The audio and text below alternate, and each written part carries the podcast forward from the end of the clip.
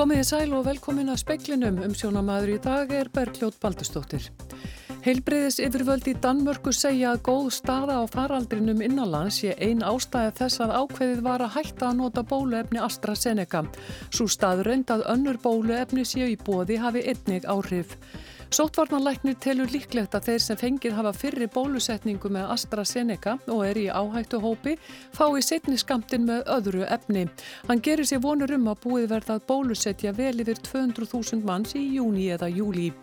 Alþjóða gjaldir í sjóðurinn telur að horfurnar í efnahagsmálum heimsins séu nú betri en þegar hann sendi frá sér álít í oktober. Bólusetning og ofinber stuðningur við fólk og fyrirtæki hefur breytt skoðunum sjóðsins. Vonir standa til að Ísland taki þátt í tilraunaverkefni í næsta mánuði með að nota samræmt COVID-bólusetningavottorð á evrópska efnagsvæðinu. Og stemtur að því að flugfélagi Play hefji áallunarflug í lókjúni. Stjórnendur muni kynna fyrirætlanir sína á næstu dögum en félagið hefur tryggt sér rífilega 5 miljardar gróna. Ákvörðun danska heilbriðis yfirvalda um að hætta að nota bólefni AstraZeneca senkar bólusetningum þar í landum tvær til þrjár vikur. Danmörk er fyrsta landið í heiminum sem hættir að nota bólefnið. Og vi vil gerne orientere jer øh, primært omkring vores beslutning om at fortsætte øh, vaccinationsudrulningen i Danmark uden AstraZeneca-vaccinen Sören Bróström, landlæknir Danmörkur, tilkynnti þessa ákvörðun danskra heilbriðis yfirvalda á bladamannafundi í hádeginu. Hann sæði þetta hafa verið erfiða ákvörðun í miðjum heimsfaraldri. Hún hafi verið tekin meðal annars í ljósi þess að 60 kona ljast í Danmörku eftir að hafa verið bólusett með AstraZeneca. Bróström sæði einni að niðurstaða rannsóknar sem gerð var í samstarfi við norsk heilbriðis yfirvöld bendi til þess að hætta á blóttapa sé meiri en áður hafi komið fram. Einna hverjum 40.000 geti fengið blóttappa. En einni kom fram á fundinum að Livjastofnun Danmörkur og landlæknisembættið séu samt sem áður sammála Evrósku Livjastofnuninni um það að ávinningurinn af því að fá bóluefni sé meiri en áhættan. Tanja Lund Eriksen, deildastjóri hjá dönsku Livjastofnuninni, sagði að þegar allt komið til alls sé bóluefni urugt og veiti góða vend gegn COVID-19. Skömmu síðar leið yfir Eriksen á miðjum fundinum í beinni útsendingu. Gående epidemi, hvor vi har brug for vaksinerne og hvor valget... Kollegar hennar voru fljótir að breðast við og koma henni snögglega í læsta hliðarlegu. Danskir miðlar greina frá því að brott hvarf AstraZeneca senki bólusetningum þar um tvær til þrjár vikur. Áður höfðu stjórnvöld stemt á að klára bólusetningar 25. júli. Ólef Ragnarstóttir sæði frá, nánar verður fjallað um ákvarðun dana, bóluefni og blóðtappa, síðar í speklunum og rætt við forstjóra Livjastofnunar Íslands. Líklegt er að þeir sem fengið hafa fyrir skamt af AstraZeneca en eru í áhættu hópi fáið það bóluefni frá Pfizer og Moderna sem sittni skamt, segir sótvarnalæknir. Hann gerir sér vonur um að búið verða bólusetja vel yfir 200.000 manns í júni eða júli. Bóluefni frá AstraZeneca hefur ekki þótt henta öllum aldursópum.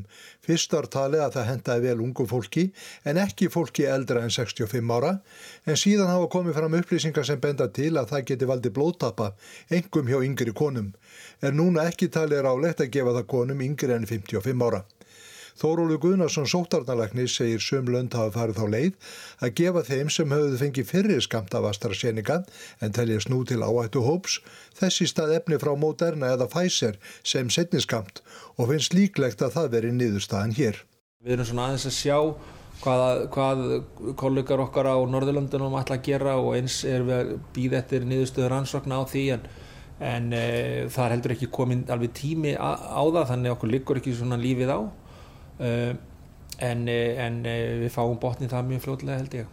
Hann segi dreifingar áallum frá Pfizer fyrir mæju og júni líka fyrir en beði sér eftir áallunum frá hinnum framleiðendunum. Hann er bjart síðan á að 140.000 að minnstakosti verði orðin bólusett í lók júni og þá séu ekki tali með bóluefni frá AstraZeneca, Moderna eða Janssen. Tala verðir töl, sennilega töluvert herri þannig að ég bind fastlega vonið við það að við verðum komin vel yfir 200.000 eh, manns í, í júni-júli mánuði ef allt gengur eftir en svo er náttúrulega er það spurning hvað verður um þessi bólefni eins og frá Janssen og, og, og hvað gerist með AstraZeneca bólefni og svo framvegis þannig að það er svona smá óvissið þættir í þessu. Þórólu segir óvissu þætti vera marga og það sé stort og mikið verkefni að bólusetja nánast alla þjóðina með mörgum bóluefnum. Við þurfum bara að vera undir það búin. Og þetta var Þórólfur Guðnason, Haukur Holm sæði frá og að, og að bólefninu Janssen því sérfræðingar á vegum Livjastofnunar Evrópu rannsaka nú mjög sjálfgef tilvig óvenjulegra blóðtappa sem komi fram í bandaríkjónum eftir að fólk hafi verið bólusett með bólefni Janssen. Búist er við að stopnunin gefu tilmæli í næstu viku. Þetta kemur fram á vef Livjastofnunar í Íslands. 2400 skamtar af bólefninu komu til landsins í morgun. Þeir verða ekki notaðir fyrr en tilmælin frá Livjastofnun Evrópu liggja fyrir. Flugfélagið Play stefnir að því að hefja áallinarflug í lókjúni, stjórnendur félagsins tilkynna fyrirætlanir sínar á næstu dögum. Flugfélagið Play var kynntilegs með pompi og prakt í byrju november 2019 og ætlaði að hefja áallinarflug skömmu síðar. Fjármögnum gekk ekki sem skildi og svo skall á heimsfaraldur. Félagið starfaði þó áfram og nýtti sér hlutabótaleg stjórnvalda til að greiða laun starfsmanna. Uppstokkun hefur átt sér stað innan félagsins að undaförnum eins og greint hefur verið frá í markaðinu viðskiptariti fréttablasins. Birgir Jónsson, fyrirverandi fórstjóri Íslandsbós, er orðin fórstjóri og ný stjórn tók við eftir hlutafjórúbóð þar sem félagi sapnaði sér umlega 5 miljónum króna. Stjórnaformar er Einarðurn Ólafsson, fyrirverandi fórstjóri Skelljungs, en hann lagði tæpan miljard króna í félagið. Það gerði lífeyri sjóðun Birta einnig, en það staðfestir Frankóttastjórin Ólafi Sigursson í samtali við fréttastofu. Hann vildi á öðru leiti ekki tjá sig um málið. Nýju fórstjórin vildi heldur ekki veita viðtal en sagði að fyrir ætlanir félagsins yrði kynntar mjög fljótlega. Fjármögnun væri lokið og einungis ætti eftir að ganga frá formsatriðum í kringum hana. Eftir því sem fyrirtastof kemst næst er stemt á fyrsta áallanarflugið síðustu vikun í júni. Hefur dagsetningin 2004. júni verið nefnd. Plei fyrir að stað með þrjár Airbus 321 leiguvilar en hugur stjórnenda stendur til að fjölga þeim fljótlega. Ekki er vitað hverjir endalegir áfangastæði verða en viðmæletu fréttastofu segja að þar munir lítið koma óvart, sé hort til reynslu Vá og Æsland Express. Má leiða að því líkum að þar sé áttu Kaupmannahöfn, London og Spán. Magnús Geir Ejjólfsson tók saman. Lauruglukonan Kim Potter sem skaut svartan mann til bana í Minnesota-ríki í Bandaríkjónum á sunnudag verður ákærð fyrir manndróp af annari gráðu. Bandarískir miðlar hafa þetta eftir saksóknur um Vestanhafs. Lauruglukonan sagði upp störfum í gær á samt lauruglustjóranum sem sagði drápmannsins líklegast hafa verið slís. Dóntef Rætt var stöðvaður vegna umferðalaga brots og þá kom í ljós að gefin hafði verið út handtökuskipun á hendurónum. Hann flúði þá aftur inn í bíl og þá greið Potter til bissunar og skautan. Á upptöku úr búkmyndavél lauruglukonunar má heyra Hanna vara við því að hún ætla að beita rafbissu. Lauruglustjórin sagði hann að hafa beitt skotvopni fyrir mistök. Kolmunaveiði íslenska uppsjávarflótans er nú hafinn söður að færiðjum og gengur vel. Rúmlega tugur íslenskra skipa er þar á veiðum um 400 mílur frá Íslandi. Það er alveg nóðan hérna sko. Tóðum í einhverja tíu tíma nú síðast, það var eitthvað 400 tonn. Segir Bjarni Hafsteinsson skipstjóra Guðrunu Þorkestóttu frá Eskifyrði. Við veiðar á gráasvæðinu svo kallaða, alþjóðlegu hafsvæði á mörgum landhelgi Skotlands og Færeja. Þegar kolmunni gengur þanga norður úr skoskri lögsögu, meiga íslensku skipin hefja veiðar og svo áfram í færesku lögsögunni. Fyrstu skipin fengu afla sent í gær og Bjarni segir veiðina almennt ganga vel. Já, já, það er alveg nóg að virkina sko. Það er alltaf mikið að sjá núna í augnablöginu hér. Íslendinga mega veiða um 202.000 tonn af kolmuna í ár og hafa þegar veitt af því tæp 23.000 tonn. Eftir því sem næst verður komist eru 11 íslenskip nú við veiðar suður á færiðum og einhver á leiðinni frá Íslandi. Hvað er svo laung sigling heim þegar þið eru búin að fylla? Heru, þetta er, er 370 mílur, 370-80 mílur. Mm. Hvað er þið lengi heim? Það, það er bara eftir veðri og vindu sko og hvernig við kert, við gerum þetta nú yfir eitt svona frekar að sparnaða kertlinni hér um bor. Þetta er svona rétt rúmur svo lengur. Og þetta var Bjarni Hafsteinsson og Ágúst Ólafsson talaði við hann.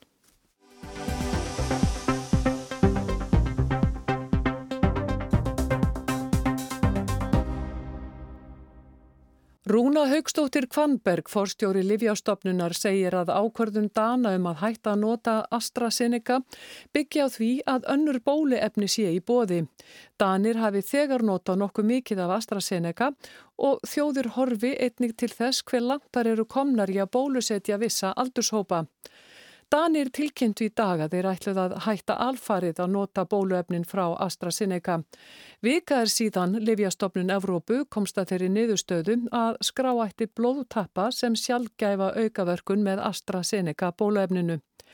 Einnig hafa komið upp tilfelli í tengslum við Janssen bóluefnið og er búið að fresta dreifingu á því í Evrópu á meðan Livjastofnun Evrópu metur hættuna á tengslum bóluefnisins við blóðtappamyndun. Farsóttastofnun og Livja eftirlit bandaríkjana tilkynntu líka í gær að hætt yrði að nota bólefni Janssen að sinni. Rúna segir að umræðuna um AstraZeneca bóluefnið og Janssen verði að aðskilja. Johnson Johnson sem framleiðir Janssen hafi sjálft ákveðið að dreifa því ekki í Evrópu á meðan bandaríska Livjastofnunin sé að skoða það frekar.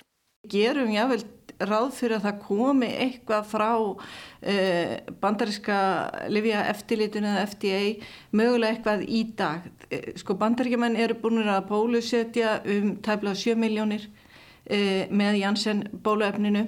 Þetta er mjög lítið hlut af því sem þeir hafa verið að nota. Þeir alltaf búin að bólusetja mjög mikið og það hafa komið upp sex tilfelli af þessum tiltekna blóðtapp og þetta er mjög e, e, þarna sjálfgjafi blóðtappi, þetta er blóðtappi sem kemur og það fylgir honum svo kvöldu blóðflögu fæð eða það þarf að vera fækkun í blóðkotnum.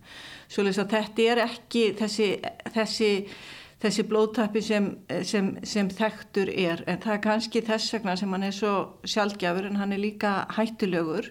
Uh, það er allavega eitt andlát í bandaríkjónum út af þessu og, uh, og þessin er bara mjög mikilvægt að reyna að meta það hvort að sé einhverju sérstakir hópar sem eru frekar útsettið fyrir þessu og í bandaríkjónum voru þetta konur á bílinu 18 til uh, þarna, uh, 48 ára og þetta kom á tímabilinu 6 til uh, 14 að 13 dögum eftir bólusetningu.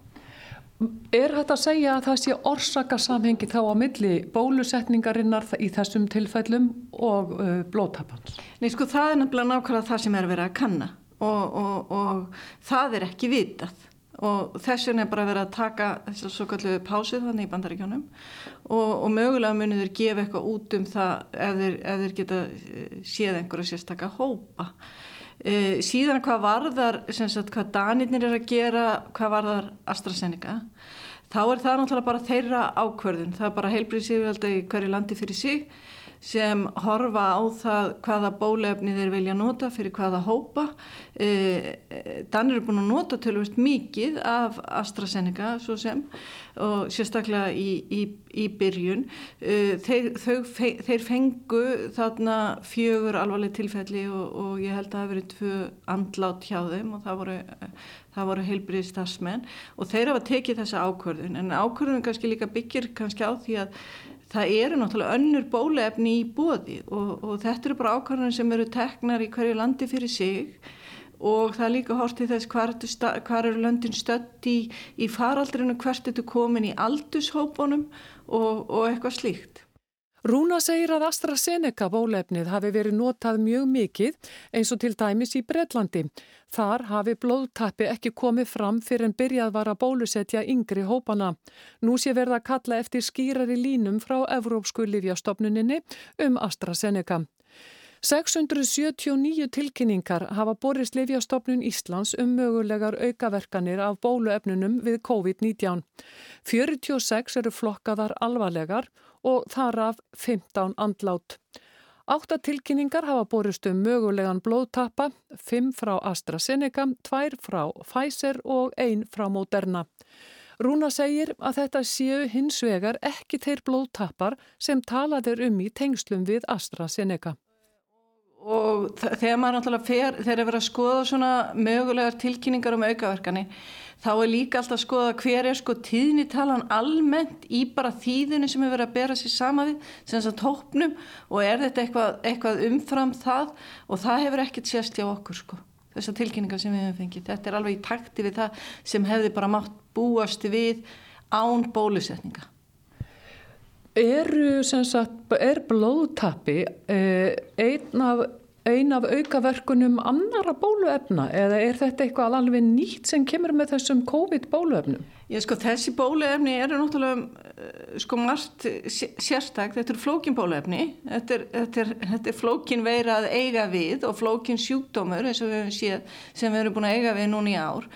Og uh, þetta eru svo kallar sko genaferjur eða vektorbólefni þessi bæði AstraZeneca og, og, og Janssen bólefnið og, og þar er sagt, eh, svona veiru veiranótu til að kalla fram þetta mótefna uh, mótefna vakan og þetta virði svona líka svolítið við þá, við þá uh, þarna blóðtappa sem hafa komið fram við sjúkdóminn sjálfan í sko ákveðnum tilfellum.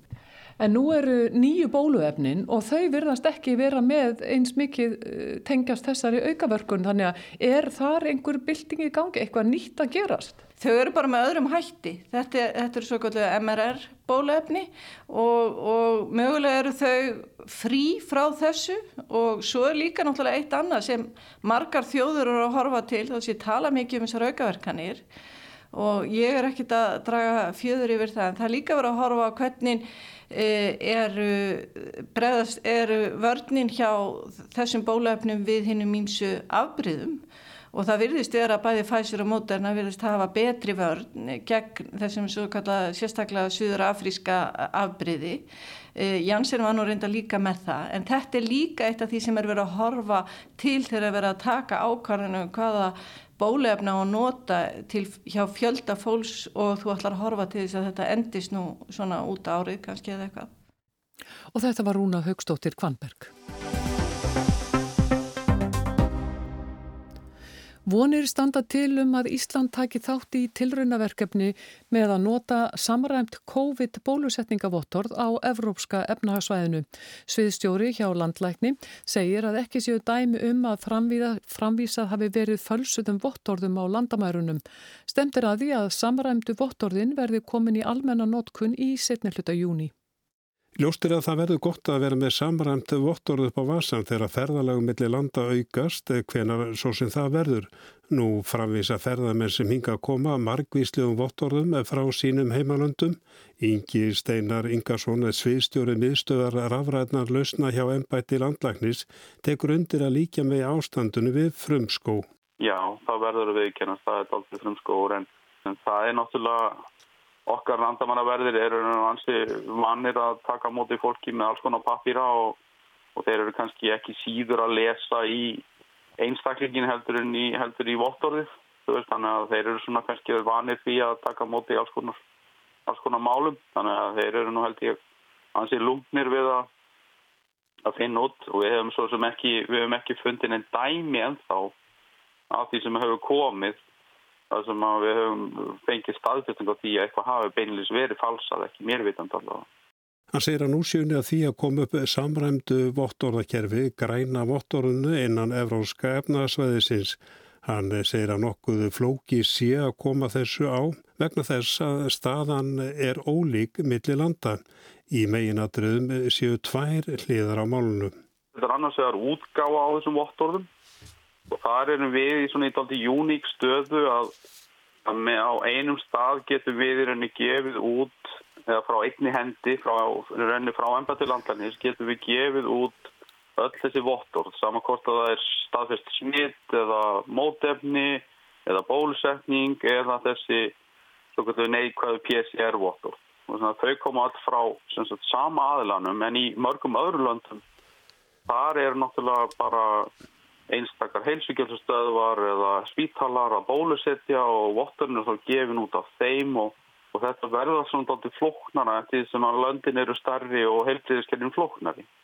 Og svo er, er hínliðin reyna á þess að það er reyna að við getum tekið á móti fólki sem er með þessi vottur og það er þá í rauninni erum við líka alltaf í góðri stöðu með að við erum með kerfi sem er á landamærunum þar sem er verið að taka síni og yfirfæri sér vottur öll og þar getum við forritað inn í það lausnir sem munir þá styðja það að skanna þessa QR-kóða eða þessi strikamerki sem verða á vottorðunum og geta þá staðfestu mjög fljótt.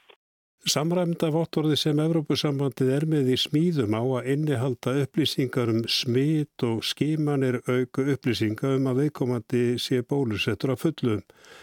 Vottorðin verða í rafrænu formi með streikamerki, QR-kóða eða á pappir og verða gefin út einstaklingum að kostnaða lausum. En hver er tilgangurinn með útgáðu þessara vottorða? Ingi Steinar segir að hann geti verið mismunandi eftir löndum. Umlandin eru að sko setja kröfu á að, að til þess að þú fára ákveðna fjónustu innanlands að þá þurfur að sína vottorð bæði og í Danmörku núna til að fá fyrir klippingu þá þurfum við að vera annarkort með neikvægt PCR-próf eða að vera bólusettir. Og þannig að sömlandin eru búin að setja svona skorður en það er ekkit mér vitandi neitt á tekniborðinu hér en þannig að fyrst og fremst erum við að horfa á þetta til þess að þessi samrændu vottur flýti í rauninni fyrir og einfaldi öll ferðarlega á milli landa, bæðið þá fyrir Íslandingar sem er að fara erlendis og koma svo aftur heim og eins fyrir erlenda ferðarmenn sem er þá koma hinga. Í rauninni eins og staðin er núna sko, út á flugvelli þeir sem er að koma í vottur, það tekur mjög langan tíma fyrir landamæraverðina og fólki sem er í að fara yfir votturinn þar að svona rína í þetta allt saman og reyna að finna út úr því hvort þetta sé nú allt saman eins og þetta er að vera og það er ákveðin hætta líka í því að, að menn séu þá með fölsuðvottor en, en það er einnig svona grunn kannski tilgangurinn með þessu þessum verkefnum er að tryggja það að vottorinn séu eins og þau eiga að vera. Það er ekki búið að eiga við þau, setja nýjan einstakling á þau og annað.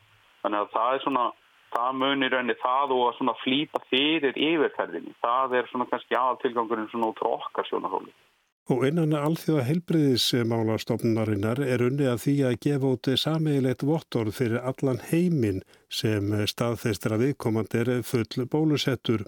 Ingi Steinar segir að svipuð vinna sér í gangi til dæmis í bandarækjunum í Asju og á fleiri stöðum. En, en marsmiður sem til Europasambandinu er að tengja þessi kerfi saman. En hvernig er áallega að græni COVID-passin veði gefin út í Evrópum? Ingi Steinar segir að vona sér til að Íslandi taki þátt í tilrauna verkefni. Sko, við erum að vona til þess að geta tróða okkur inn í svona pilotverkefni í þessu sem er þá stefnun að verði í gangi í næsta mánuði sem þetta í mæ.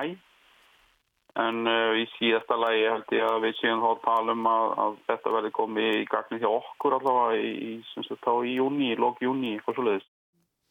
Og þetta var Ingi Steinar Ingarsson, Arnar Pál Haugsson talaði við hann.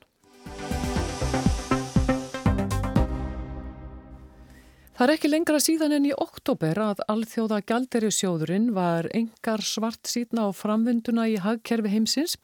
COVID-19 myndi valda þar varalegum skada og batinirði hægur og ójafn. Í nýjasta yfirliti alþjóða gjalderisjóðsins sem var kynnta á ársfundi sjóðsins nýlega er tótnin annar, horfurnar mun betri en virtist og afleiðingarnar takmarkaðar. Sjálfgæft er að sjóðurinn endur með stöðuna með þessum hætti. Ljós og skuggar, það er orðin reglulur viðburður í alþjóða efnagasmálum að heyra tilvittnun í rúsneska rítöndin Leo Tolstói. Kristalína Georgieva, framkvæmdastjóri alþjóða gjaldirisjóðsins, hefur nefnilega fyrir sið að vittna í rítöndin og þá einnig á bladamannafundi nýlega í tilefni af ársfundi sjóðsins. Tolstói skýrði vel hvar hagkerfi heimsins væri nú statt. Tolstói in Anna Karenina captures very well where the world economy is today. With all the variety of life is made up of light and shadow. Georgieva stittir endar tilvittunina í þetta skipti sem ég heild er að öll fjölbreytni lífsins, allt sem er heillandi við lífið og fegur þess, er gert úr ljósi og skugga. Eftir dökkar horfur er bóðskapurinn nú meira ljós en skuggar þegar á þessu ári verði heims framleiðslan orðin meiri en 2019. Gangurinn á Íslandi reyndar hægari en góðar horfur í helstu viðskiptalöndunum lofa góðu. Horfurnar eru bjartar, saði Georgieva, af því miljónir manna hafa notið góðs af bólusetningu og ofinbera ráðstafanir gert sitt gang. The outlook is brighter because millions of people are benefiting from vaccinations and because of further policy support. Já, skjótt skipast veður í hagloftinu. Nánar tiltekið hefur sjóðurinn komist að allt annari niðurstöðu sex mánuðum eftir fyrir spá um skuggalegar horfur og munurinn er þessi sem Georgieva nefndi, viðtak bólusetning, víða um lönd og svo efnagsráðstafanir, þetta hvernig ríkistjórnir hafa hlaupið undir bakka með fólki og fyrirtækjum. Sástuðningur fleitir hægkerfinu áfram heldur fyrirtækjum gangandi og fólki vinnu. Ímser hlutar hægkerfisins hafa síðan gert hann okkur gott þráttur í faraldurinn, aukin netverslun til dæmis stutt þá framvindu. Einnig að þeir sem hafa haldið vinnunni hafi sparað töluvert til allt að lokað og ekki hægt að ferðast. Vonin er því að þegar hjólinn fara aftur að snúast, lífi kemst í betra horf, þá muni auknar skattekjur hjálpa ríkum að greiða niður veiruskuldinnar. Þá án þess að það veri greipið til hörku niðurskurðar sem framlengdi víða harðærið eftir fjármálakreppuna 2008. Georgiefu var tíðrættum sangirni að það veri öllum í haga að framvindan á næstu misserum einkendist af sangirni og þá einnig í dreifingu bóluefnis. Þar þyrtu auðulönd áfram að styrkja fátækari lönd í svo kallu Kovacs samstarfi, stutt af alþjóðaheilbriðstofnunni, barnahjálpsamunu þjóðana og fleiri alþjóðasamtökum og ríkjum. Eins og Georgiefa nýtti á, bólusetningarstefna er hagstefna, og það fæst vart betri ávöxtun almannafjár en einmitt með því að styrkja bólusetningu allstaðar bæði heima og heiman. Livjafyrirtæki hefðu þróað bóluefni á meðtíma, nú væri það ríkistjórna að standa sig í bólusetningu. Opimber stuðningur við fólk og fyrirtæki hefur skipt sköpum en það verður ærin áskorun að meta hvernig og hvenar eigi að draga úr þessum stuðningi og vissulega er staða einstakra landa mismunandi Áhugavert að Georgieva tiltók vanda landa sem eru mjög háð ferðarþjónustu. Tourism dependent uh, countries, middle income tourism dependent countries are in a very difficult position. Aftur fyrir þessi lönd og önnur bólusetning er besta leið allra landa út úr veiruvandanum, saði Georgieva, gæti ekki endur tekið þetta nósamlega. In all countries number one priority is access to vaccines. So I'm, I'm repeating this, but I cannot repeat it enough. Það er líka rík ástæði til að horfa til framtíðarinnar, fjárfesta fyrir framtíðina. Þar skiptir miklu að ofinber fjárfesting fari í græna tækni af öllu tægi, stafræna tækni, mentun og heilbriðsmál. Þjóðhagslegt mikilvægi mentunar verður seint of metið, ekki síst á yfirstandandi veirutímum, The Resolution Foundation er bresk hugveita sem einbetir sér að mið og láttökjuhópum. Í nýri skýrslu veitunar er nýtt á hvað veiru aðgerðir hafi bytnað ítla á ungu fólki. Tæp 60% þeirra sem hafa mist vinnuna undan farin misseri eru á aldrinum 16 til 24 ára. Ungt fólk nýkomuður námi eða sem hafði hægt námi á erfiðra með að finna vinnu en áður. Atvinnuleysi í þessum hópi hefur aukist úr 14 í 18%. Stopnuninn hvetur því til aðgerða sem styðja viðletni ungs fólks til að finna vinnu eins til að halda áfram í eða fara í nám eða verkþjálfun. Eins og gergefa nýtti á, COVID-19 heimsvaraldurinn sínir hvað við erum all háð hvert öðru, jamt innan einstakra landa sem millilanda. Og það er kannski mikilvægasti lærdomurinn af verurhemmingunum. Sigrún Davísdóttir saði frá. Veðurhorfur, sunnan og suðvestan 5-13 metrar á sekundu og dálítil rigning en þurft og bjart norðaustan og austanlands hiti víða 5-10 stegi yfir daginn. Gengur í suðaustan 13-20 metrar á sekundu með rigningu á morgun og talsverð rigning á köplum, engum suðaustan til en úrkomi lítið norðan og norðaustanlands hiti 5 til 14 steg hlýjast og norðan til. Fleira er ekki speiklinum í kvöld. Marteit Marteinsson senda hann út verðið sæl.